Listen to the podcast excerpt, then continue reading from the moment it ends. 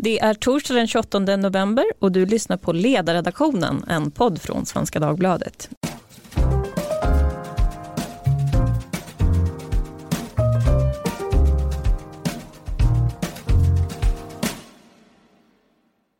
Jag heter Lydia Wåhlsten och idag ska vi fortsätta att prata om kommunkrisen och om kommunerna kan lyfta sig i håret istället för att springa till staten och be om mer pengar. Ett sätt att göra det är genom digitalisering och det var ju det vi pratade om här i podden i tisdags. Men digitalisering är bara ett av många sätt att förhindra drastiskt höjda skatter när befolkningen blir äldre.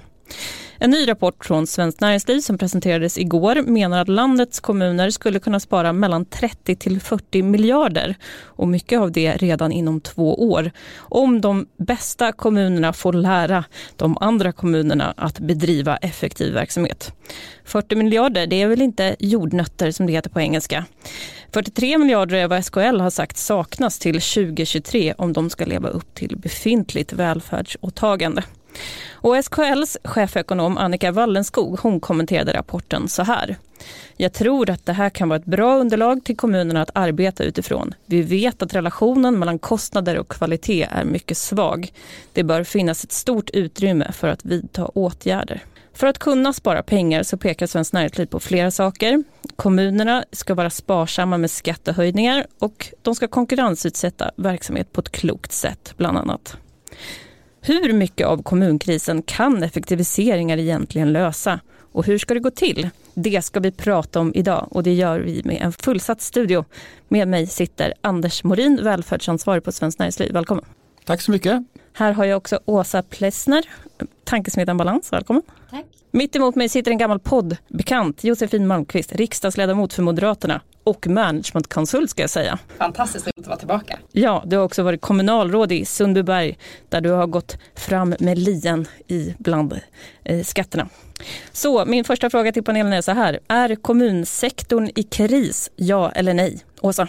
Ja, absolut. Jag håller med. Jag med. Vem vill börja utveckla? Anders? Det är ju så att de närmaste 15 åren så blir läget allt mer besvärligt för kommunsektorn. Därför att dels så minskar andelen i förvärvsaktiv ålder som ska försörja, finansiera välfärden.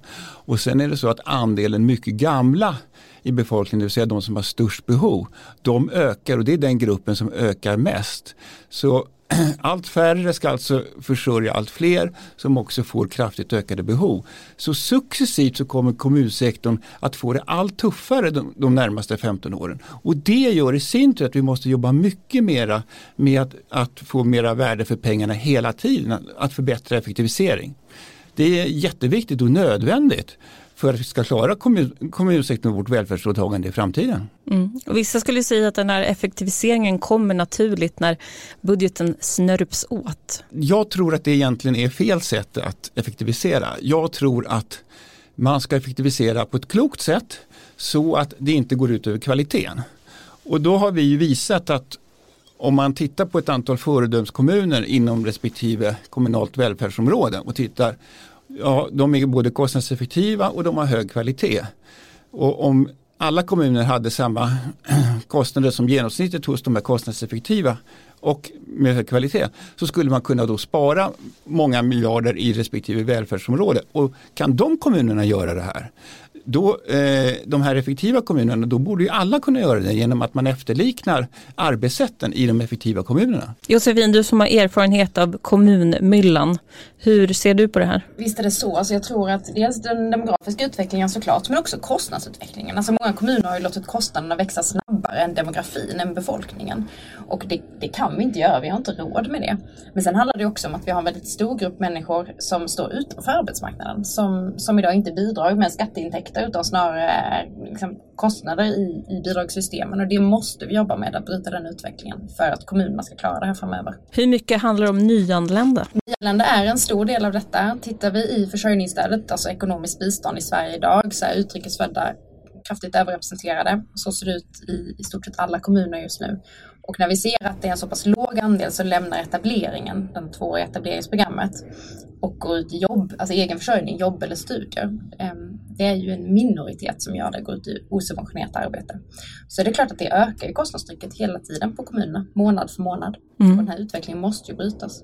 Och det här etableringsprogrammet har ju bland annat Kristdemokraterna föreslagit ska förlängas också en hel del så det kommer ju komma kostnader där. Åsa, hur ser du på det här? Till att börja med så ser ju jag samma verklighet som Anders. Alltså drar vi ut kurvorna och ser hur det ser ut framåt så har vi alldeles eh, för höga kostnader eh, och för många som skulle behöva jobba i offentlig sektor för att kunna behålla den, den modell och den personaltäthet vi har idag. Eh, så så långt är vi helt överens. Eh, sen är just frågan, vad är det vi ska göra? Vi ska efterlikna de här föredömskommunerna. Eh, men när jag läser den här rapporten så, så är det bara en väldigt liten del egentligen av de här 30-40 miljarderna som vi kan eller som Anders och hans kollegor har hittat vad det är kommunerna gör som är så effektivt. Så vi har än så länge inte färdplaner och då tänker jag att då är det väldigt viktigt att hålla isär. Pratar vi här om liksom mål på lång sikt Ehm, då tror jag att det handlar om att göra väldigt stora omställningar av hur välfärden fungerar ehm, för att få ner kostnaderna i relation till befolkningen. Eller pratar vi om styrningen år för år i kommunerna? För den där den här stora besparingen som vi behöver göra, den kan vi inte bara ta och lägga in. Som du sa, man stryper budgeten lite och tänker att, att effektiviseringen uppstår då.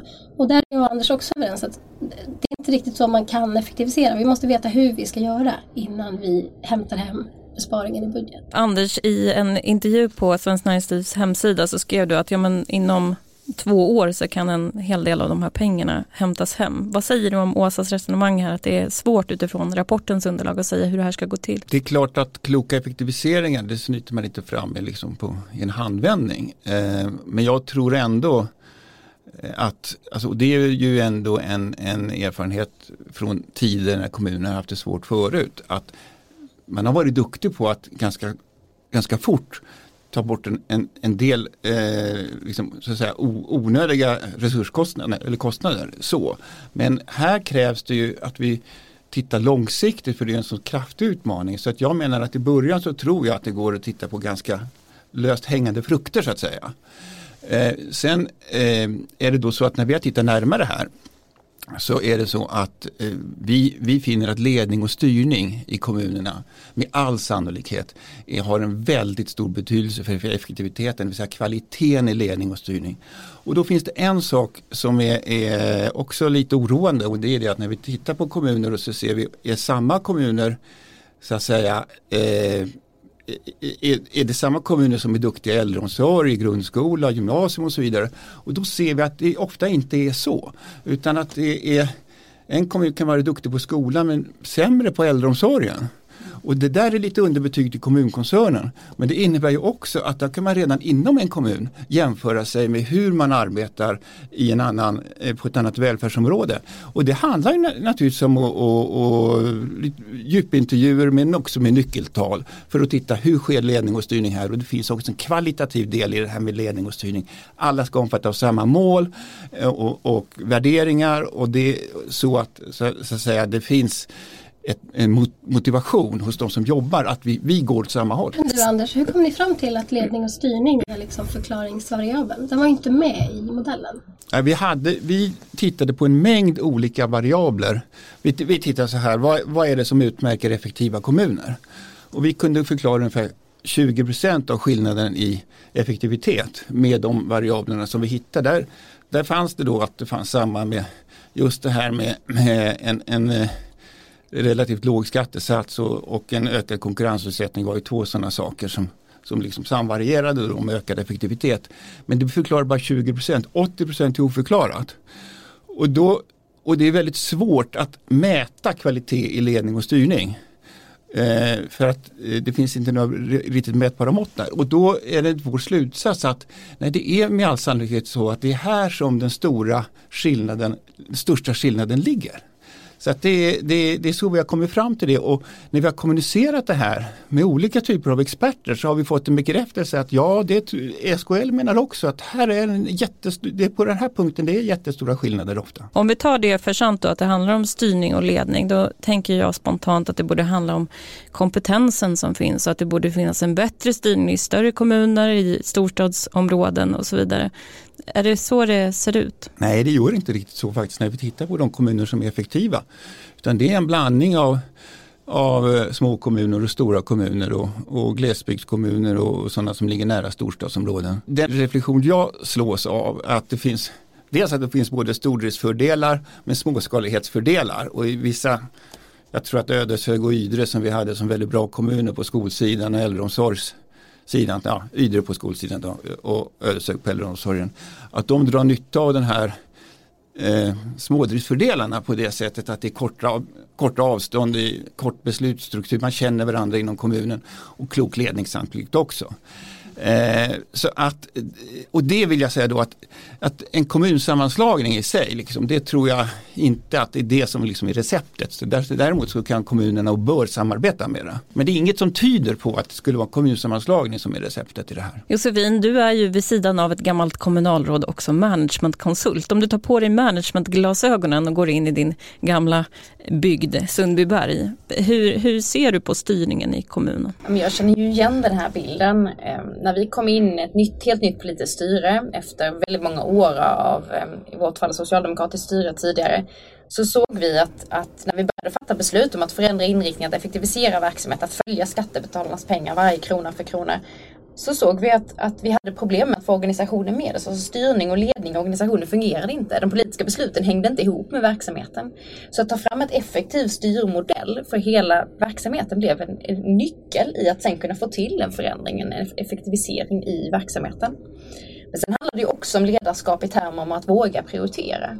Alltså det är lätt att kanske gömma sig bakom att det här har vi alltid gjort och därför ska vi fortsätta göra på samma sätt. Jag som då bland annat var ordförande för socialnämnden, det är ju ett område som man ofta pekar på, hela socialtjänsten, men det är myndighetsutövning, det finns inte så mycket vi kan göra där. Men vi gjorde egentligen två konkreta saker. Det första var att vi började mäta kostnadseffektivitet i alla insatser. Det vill säga vad kostar en timme av någon insats och jämföra det med att någon annan kommun eller en annan aktör skulle kunna utföra samma sak. Och det blev en minst sagt chockartad upplevelse för stora delar av förvaltningen. För man hade en självbild av att vi är väldigt kostnadseffektiva. Men när man började mäta det där så såg vi att vi är ju jättedyra jämfört med andra. Varför är det så? Är det medveten prioritering eller vad är det som har gjort det? Det andra det handlar om att titta på vad behöver vi inte göra?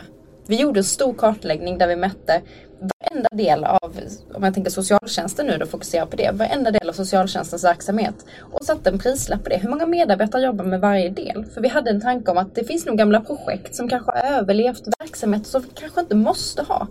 Men det här är också en verksamhet som vi måste ha men där vi kan styra ambitionsnivån.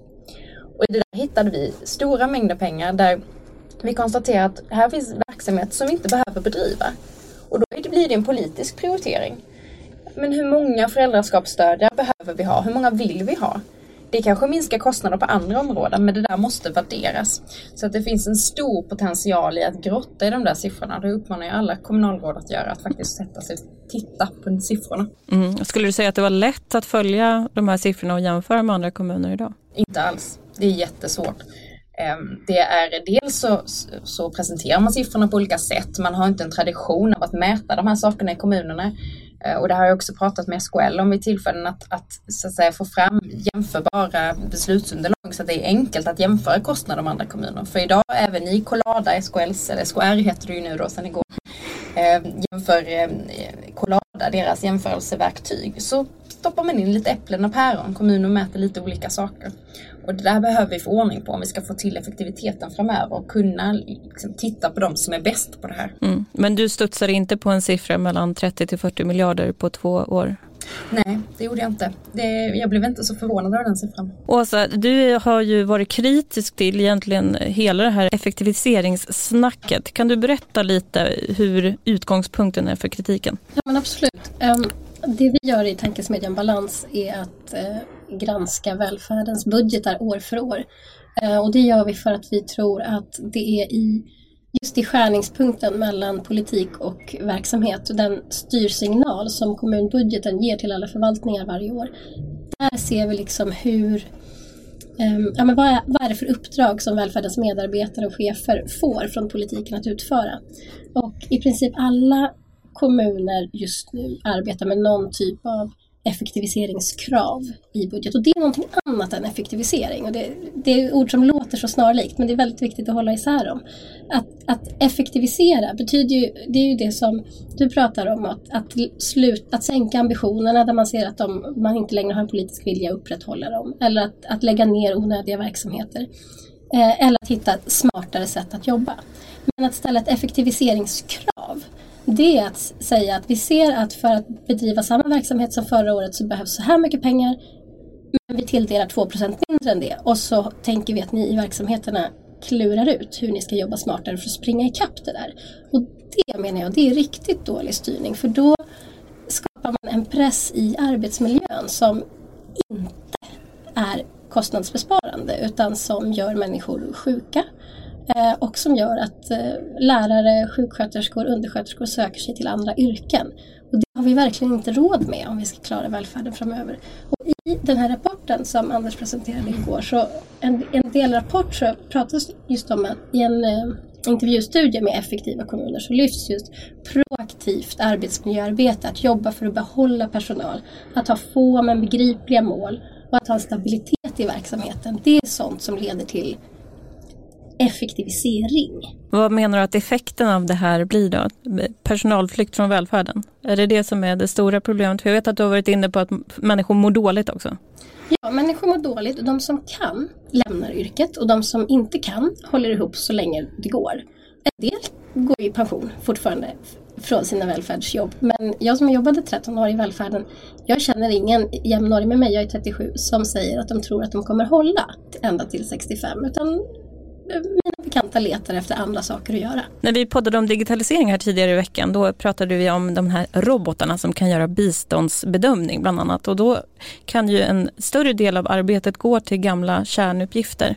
Är det en potential som du ser? Ja, bring it. Alltså, går det att jobba smartare så gör det. Att sätta effektiviseringskrav behöver inte vara fel. Eh, så vad skulle hända om verksamheten klarar sig på 2% lägre? Processen får inte stanna där utan då får man lyssna på vad säger verksamheten. Så att säga. Och, och så får man värdera vad verksamheten då säger och, och sen fatta politiskt beslut. Och som underlag till de politiska besluten då finns ju de här jämförelserna med andra kommuner. Ja, men kommunen brev, grannkommunen här klarar sig med den här resursmängden per eh, invånare eller motsvarande mått man då har. Som, eh, och, och, då kan man få ett mycket bättre underlag för den här dialogen. Jag vill hålla med dig eh, från Balans här att och säga så här att det är väldigt viktigt att man har en dialog kring budgeten. Att man också lyssnar, dels så ambitioner och direktiv från ledningen men så lyssnar man på vad som kommer tillbaka så att man också förankrar så att säga, de sätt som man ska effektivisera på. Det tror jag är otroligt viktigt för det långsiktiga arbetet. Mm. Eh, så att det, är, det är naturligtvis en konst att effektivisera men men det måste ske. Vad skulle du säga är den stora förklaringen då till att produktiviteten har uteblivit i offentlig sektor eller kommunerna? Det har varit ett antal relativt goda år i kommunsverige. det har, alltså skatteunderlaget har växt och då har det varit lockande för politiken att satsa på nya områden eller öka ambitionsnivån och så vidare utan att riktigt se om vi fick vi värde för de, för de här pengarna, för de här nysatsningarna.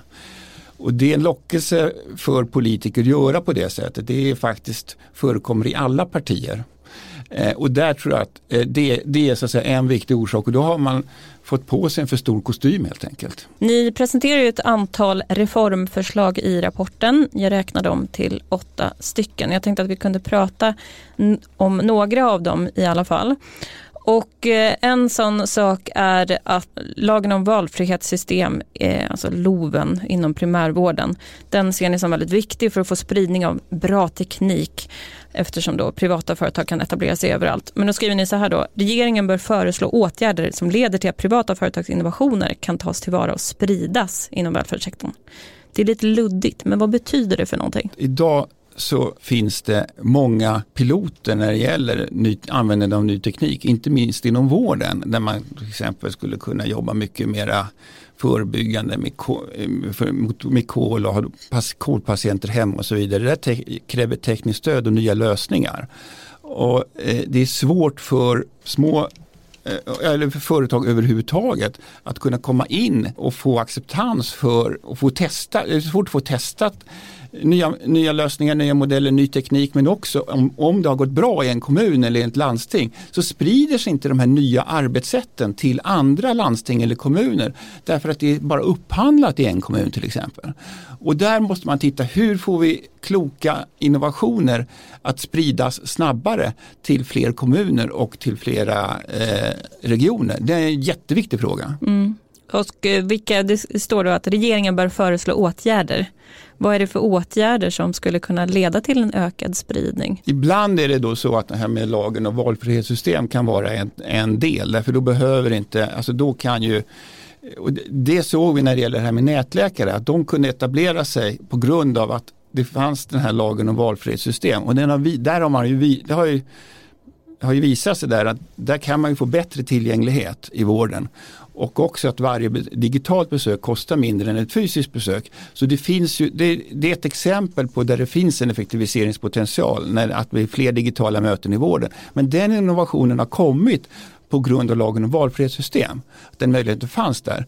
Eh, allt kan inte går ju över till lagen om valfrihetssystem och det är därför vi säger det här måste man tänka på om man ska göra liksom, att man ska samverka mera eh, när det gäller eh, upphandlingar mellan olika regioner är ju en modell som man kan tänka sig. Det finns säkert flera modeller eh, men, men eh, alltså det måste ske att vi får snabbare in ny teknik, ny innovationer, nya arbetssätt. Ni föreslår också att eh, skolpengen borde tas över av staten för att eh, nu sitter kommunerna och delar ut de här pengarna och de konkurrerar ju med friskolorna så att det blir lite jävs situation. Finns det ingen risk där, du som representerar då den privata sektorn, att det blir en ökad osäkerhet för de privata företagen om det styrs från statligt håll? Att minsta lilla förändring kommer då slå för hela Sverige? Alltså det finns fördelar med en statlig skolpeng och det, det handlar om att idag är det då så på skolans område att i vissa kommuner så är det väldigt hög skolpoäng och andra kommuner så kan det vara ganska låg skolpoäng. Och den är också olika differentierad på grund, på grund av socioekonomi eller inte. Och det är viktigt att skolpengen kan, kan också ge ett stöd till de elever då som har sämre förutsättningar och att de skolorna ska kunna få en, en högre skolpeng. De har många elever till exempel som inte, där inte föräldrarna är högutbildade. Och det här för att få en, en likvärdighet i, i, i skolan, likvärdiga förutsättningar eh, och också för att undvika då onödigt eh, ja, resursslöseri så menar vi att här kan det finnas skäl att staten tar över den här skolpengen från kommunerna. Mm. Och sen är det också så att friskolor och kommuner konkurrerar och då är det inte jättelyckat alla gånger att att konkurrenten är den som också finansierar den. Där uppkommer konflikter på kommunnivå mellan friskolor och kommuner. Om vi kommer tillbaka till det här med jämförelser som Josefin var inne på för olika bistånd och hur kommuner står sig. Då skriver ni också att Regeringen bör verka för kvalitetsjämförelser inom vård, skola och omsorg så att allmänheten kan göra informerade val. Hur kommer det sig att vi inte har någon sån här jämförelse idag? Och hur ser ni på att vi skulle få en sån? Kommer det leda till en ökad press på de som jobbar i respektive kommun att titta här vad dåliga vi är? Min upplevelse är att um föräldrar väldigt sällan efterfrågar objektiv information om hur skolan presterar, tyvärr. Eh, vi är ganska känslostyrda när vi väljer skola åt våra barn och eh, jag tror att det är väldigt optimistiskt att tro att en nyckeltal skulle råda bot på, på det.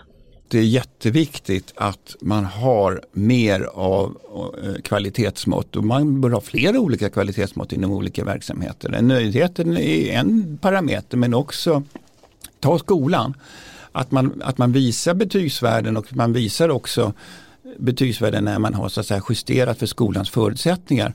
Men det här är ett underarbete, alltså vi har inte satsat tillräckligt mycket på det här området därför att det är också så att eh, betygen borde egentligen kopplas till de nationella proven. Så betygen blir en bättre värdemätare på vilka kunskaper en skola faktiskt levererar. Så det finns jättemycket att göra. Och på vårdens område så är det jättesvårt att ta reda på, på olika, alltså om jag behöver en en, en operation för eh, höftprotes eller vad det nu kan vara. Det kan vara en canceroperation till och med. Det är jättesvårt att veta liksom, hur pass framgångsrik en klinik är jämfört med en annan. Det döljs långt in i siffror i SKLs eh, hemsida, så långt bort man kan komma ungefär. Och det är inte bra därför att eh, det hade vi, eh, det var för bara några veckor sedan som, som eh, det fanns en del debatt på detta att i England när man hade visat Eh, på kirurgnivå faktiskt på individnivå. Det är inte säkert att vi ska gå så långt i Sverige men i varje fall när man har visat öppna siffror på kirurgnivå eh, så, och, och, på kliniknivå så sjönk dödstalen vad gäller alltså, för, eh, på de här operationerna. Att det, hade, det blev mer lyckade operationer därför att det blev Eh, så att säga, transparens över det hela. Och det, det, är jätteviktigt att man vet vilka resultat man har och också jämförelse med andra. Och det är ytterst för medborgaren som de här resultaten är så viktiga. Vem är det som du skulle säga har hållit emot den här utvecklingen? Det finns ju en kritik från facket jag minns att eh, en organisation försökte göra en motsvarande som man har i USA, där har man Rate My Professor, då man då skulle kunna mäta olika lärare och hur de presterade och där elever skulle få skriva in det här. Och blev det ramaskri för att vad är det egentligen eleverna skulle kunna skriva där och ska det här verkligen vara ett eh, styrmått? Det finns väl många orsaker till att det ser ut som det gör. Ett är att staten inte har prioriterat det här, för det här är faktiskt, jag tycker det är en statlig uppgift att se till att det här faktiskt finns gentemot medborgarna. Så.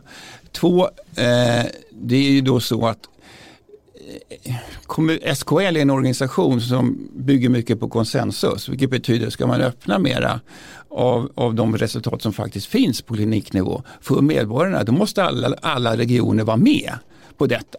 Och det, är ju, då det kan ju räcka om någon eller några regioner säger nej, nej det där vill vi inte vara med om så, liksom, så, så hakar sig processen. Mm. Sen är det ju så också, jag tror att, att inom, in, inom professionerna, alltså, inom välfärden så så, så, kan det naturligtvis finnas en viss osäkerhet men, eller, eller, ja, kring effekterna av det här. Men där tror jag att en dialog är jätteviktig och att måtten ska tas fram av professionen egentligen om vi tittar på eh, sjukvården till exempel och inte av politikerna. SKL som ett slags FN då. Josefin, du ville komma in. Jag håller med. Jag tror att eh, vi behöver, det finns ju kommuner som har tagit fram den här typen av jämförelsedatabaser så det finns ju best practice. Men nu när alla ska ta fram sina egna och man har lite olika mätetal, man mäter på lite olika sätt så blir det väldigt svårt att jämföra. Och det blir svårt som förälder, tänker jag, att titta på skolan, att veta vad ligger i de här siffrorna? Hur mm. presenteras informationen så att det blir lättillgänglig så att jag som förälder förstår vad betyder det här för mina barns framtida betyg? Men också att kvalitetssäkra kvaliteten i siffrorna du var inne på nationella prov. Jag tror till mm. exempel externa examinatorer som rättar prov inom skolan så att vi säkerställer att det inte blir en betygsinflation som vi mäter utan att vi faktiskt säkerställer hur vi mäter kvalitet. Och det är ju mer övergripande frågeställning men det tror jag hänger ihop med det här. Det måste vi enas kring hur det går till. Vad gör Moderaterna på det här området då? Du som sitter som riksdagsledamot. Det här är ju en jätteviktig del i välfärdens framtida finansiering. Eh, och det ser vi också. Alltså, vi måste bli bättre på att mäta effektivitet i välfärden för att säkerställa att vi får mest ut av varje skattekrona. Så det här är ju en av de frågorna som, som Moderaterna driver och som moderater i många kommuner runt om i landet driver. Alltså det här jag sa att betyget ska kopplas till nationella proven. Jo, så långt är det rätt. Men alltså så länge de egna skolorna rättar de nationella proven så finns det också en risk där för att man är så att säga för snäll. Och därför så måste de nationella proven digitaliseras eller rätt, rättas externt. Ja, eh, vi måste tyvärr börja avsluta här, men jag hade en stor sista fråga och det är så här. Vad är det allra viktigaste om kommunkrisen ska lösas? Om ni var tvungna att prioritera och satt som att härska över hela SKL-sektorn. Josefin? Liten enkel fråga. Nej men så här, jag skulle vilja gå tillbaka till så att säga, exemplet Sundbyberg och, och, och ehm, um, Sundbybergs socialtjänst. För jag tror att det handlar om follow the money. Följ varje skattekrona och säkerställ var gör varje skattekrona mest nytta. Eh, för det är ju vårt grundläggande uppdrag. Ehm, och under min tid då som kommunalråd så jobbade vi bland annat med att sänka bidragsberoendet och minska kostnaderna för socialbidrag, ekonomiskt bistånd. Och ehm, det var någonting som, som tidigare hade ökat under lång tid och som många kommuner vet jag ser som en nästan fast kostnad som inte går att påverka. Ehm, men efter att vi tog över så minskade kostnaderna, bidragsberoendet i hushåll och i kostnader med nästan 38 procent. Ett bra bit mer än en tredjedel på bara några år. Det var mindre än en mandatperiod. Och det visar ju att det går. Genom att följa varje skattekrona. Hur ställer vi krav? Vad förväntar vi oss i gengäld? Hur följer vi upp var skattepengarna går? Motverkar vi fusk? Vi såg till exempel att en fjärdedel av varje hembesök ledde till avslag för de här personerna hade inte rätt till stöd. Många av de här insatserna är sånt som exempel som vi har plockat från andra kommuner där det finns goda exempel att ta fasta på. Så det handlar liksom inte om att uppfinna hjulet på nytt utan att titta på vad fungerar i andra kommuner och försöka implementera det. Det är verkligen mitt råd. Vad var de här personerna, en fjärdedel då, mm. eh, som inte hade rätt till ekonomiskt bistånd? Vad gjorde de för någonting? Vanligaste anledningen till att de inte hade rätt till stöd var att de inte bodde på adressen de hade uppgett. Och eh, enligt socialtjänstlagen så ska man ju det är där du bor, inte där du är folkbokförd som styr om du har rätt till stöd. Just det. Då kom vi till en lägenhet där det kanske var fullt med brevlådor eller det, ja, det var inte samma antal personer som bodde i lägenheten. Namn på dörren stämde inte överens eller vad det nu kan röra sig om. Och då leder det till en fördjupad utredning. Tror du att man kan bli populär som politiker på att bedriva en sån där kostnadsbesparande politik? Då? Du berättade innan vi började podda här att du hade fått din bil lite vandaliserad när du var på besök i Sundbyberg. Eh, det är väl inte alltid helt populärt och jag har väl mötts av ganska många kommuninvånare genom åren som, som inte varit helt nöjda. Men eh, jag skulle säga att det är ändå ett fåtal jämfört med den stora massan som är tacksamma för att människor faktiskt går till jobbet, för att människor faktiskt får möjlighet att bidra istället. För det är det vi ser, att många av dem som då har lämnat bidragsberoende har faktiskt gått till jobb. Jobb och studier och det vet vi att det påverkar ju inte bara de föräldrarna utan också deras barn och framtida generationer. Så att på det stora hela så är de flesta glada även om det kan vara lite högljutt på kort sikt. Vad, vad handlar det om i pengar för Sundbybergs del den här? Alltså vi, om man tittar på socialtjänsten så lyckades vi vända ett underskott på mer eller mindre konstant 25 miljoner per år till en budget i balans och det gjorde vi över ett år genom att tillämpa ett helt annat arbetssätt. Mm. Eh, för socialtjänsten så gick vi från 70 miljoner i utbetalning ekonomiskt bistånd ner till en bit under 40 miljoner. Så det är en ganska stor skillnad på bara ett fåtal år. Åsa, nu får jag be dig. Vad, vad ser du som viktigt för att vända den här kommunkrisen som alla pratar om? Ja, men jag tror att det absolut viktigaste är att Eh, vi behåller och får in rätt medarbetare, alltså de medarbetare som är utbildade, som är lämpliga, som tycker om sina välfärdsjobb och eh, ger dem möjlighet att göra ett bra jobb. Ehm, nästan alla eh, välfärdsyrken handlar om kontakt med människor som är i en, på något sätt, antingen i ohälsa eller utsatthet eller i utveckling, som är i olika känsliga lägen och att ge möjlighet för de verksamheterna att vara lugna, stabila och bra. Ehm, det tror jag leder till Alltså det är där vi måste börja för att ha en, en välfärd som inte bara är billig utan också en, ett välfärdssamhälle. Anders, nu får du avsluta podden idag. Jag kan hålla med er andra om att dels att kommunerna ska jobba långsiktigt, strategiskt, metodiskt för att hela tiden få mera värde för pengarna. Jag kan hålla med dig också om att det handlar om att de medarbetare som finns i välfärden ska känna arbetstillfredsställelse och kunna utvecklas. Den pusselbit som jag vill lägga till är att jag tycker att staten tar hela den här uppseglande krisen med inte tillräckligt stort allvar. Och att man måste från statens sida eh, förbättra förutsättningarna för, för kommunsektorn att jobba effektivt. Och då är det några saker som är jätteviktiga är ju bland annat det här med att att man har en lagstiftning som, som, som gör att man kan samverka bättre kring patienten i äldreomsorgen och vården. För att, så att de, alla utförare får reda på de, de, de fakta som behövs om patienten för att ge god vård. Och, och sen är det också då så att man ska kunna ha en lagstiftning som gör att det blir lättare att kunna jobba framåt med artificiell intelligens. Det vill säga att man, man kan liksom få in avidentifierade uppgifter från, eh, om, om eh, patienter så att man kan, liksom, man kan se vidare framöver. Nå, hur, eh, är du i riskzonen för stroke till exempel? Det, då behövs det stora datamängder för att man kan se det. Och då kan man göra förebyggande åtgärder. Och det här hänger alltså ihop med att man har en lagstiftning som är modern så att man kan göra på det här sättet. Sen är det också så här att idag kan olika huvudmän inte tala med varandra i, i, inom välfärden och inte heller olika offentliga utförare. Därför att det är så att den digitala infrastrukturen den, den är, dålig och staten borde komma med definierade nationella standards så att olika utförare också kan tala med varandra. Det här är sådana här tekniska frågor som behövs förbättras för att eh, vi ska kunna dra nytta av den här digitaliseringen. Annars kan vi inte göra det. Och det får vi skicka med till Ygeman, vår kära digitaliseringsminister från dagens podd. Jag säger stort tack till Anders Morin, välfärdsansvarig på Svenskt Näringsliv, Josefin Malmqvist, moderat riksdagsledamot, managementkonsult och tidigare topp i Sundbyberg och Åsa Plessner från tankesmedjan Balans. Om ni har frågor, hör av er till ledarsidan svd.se. Tack för idag.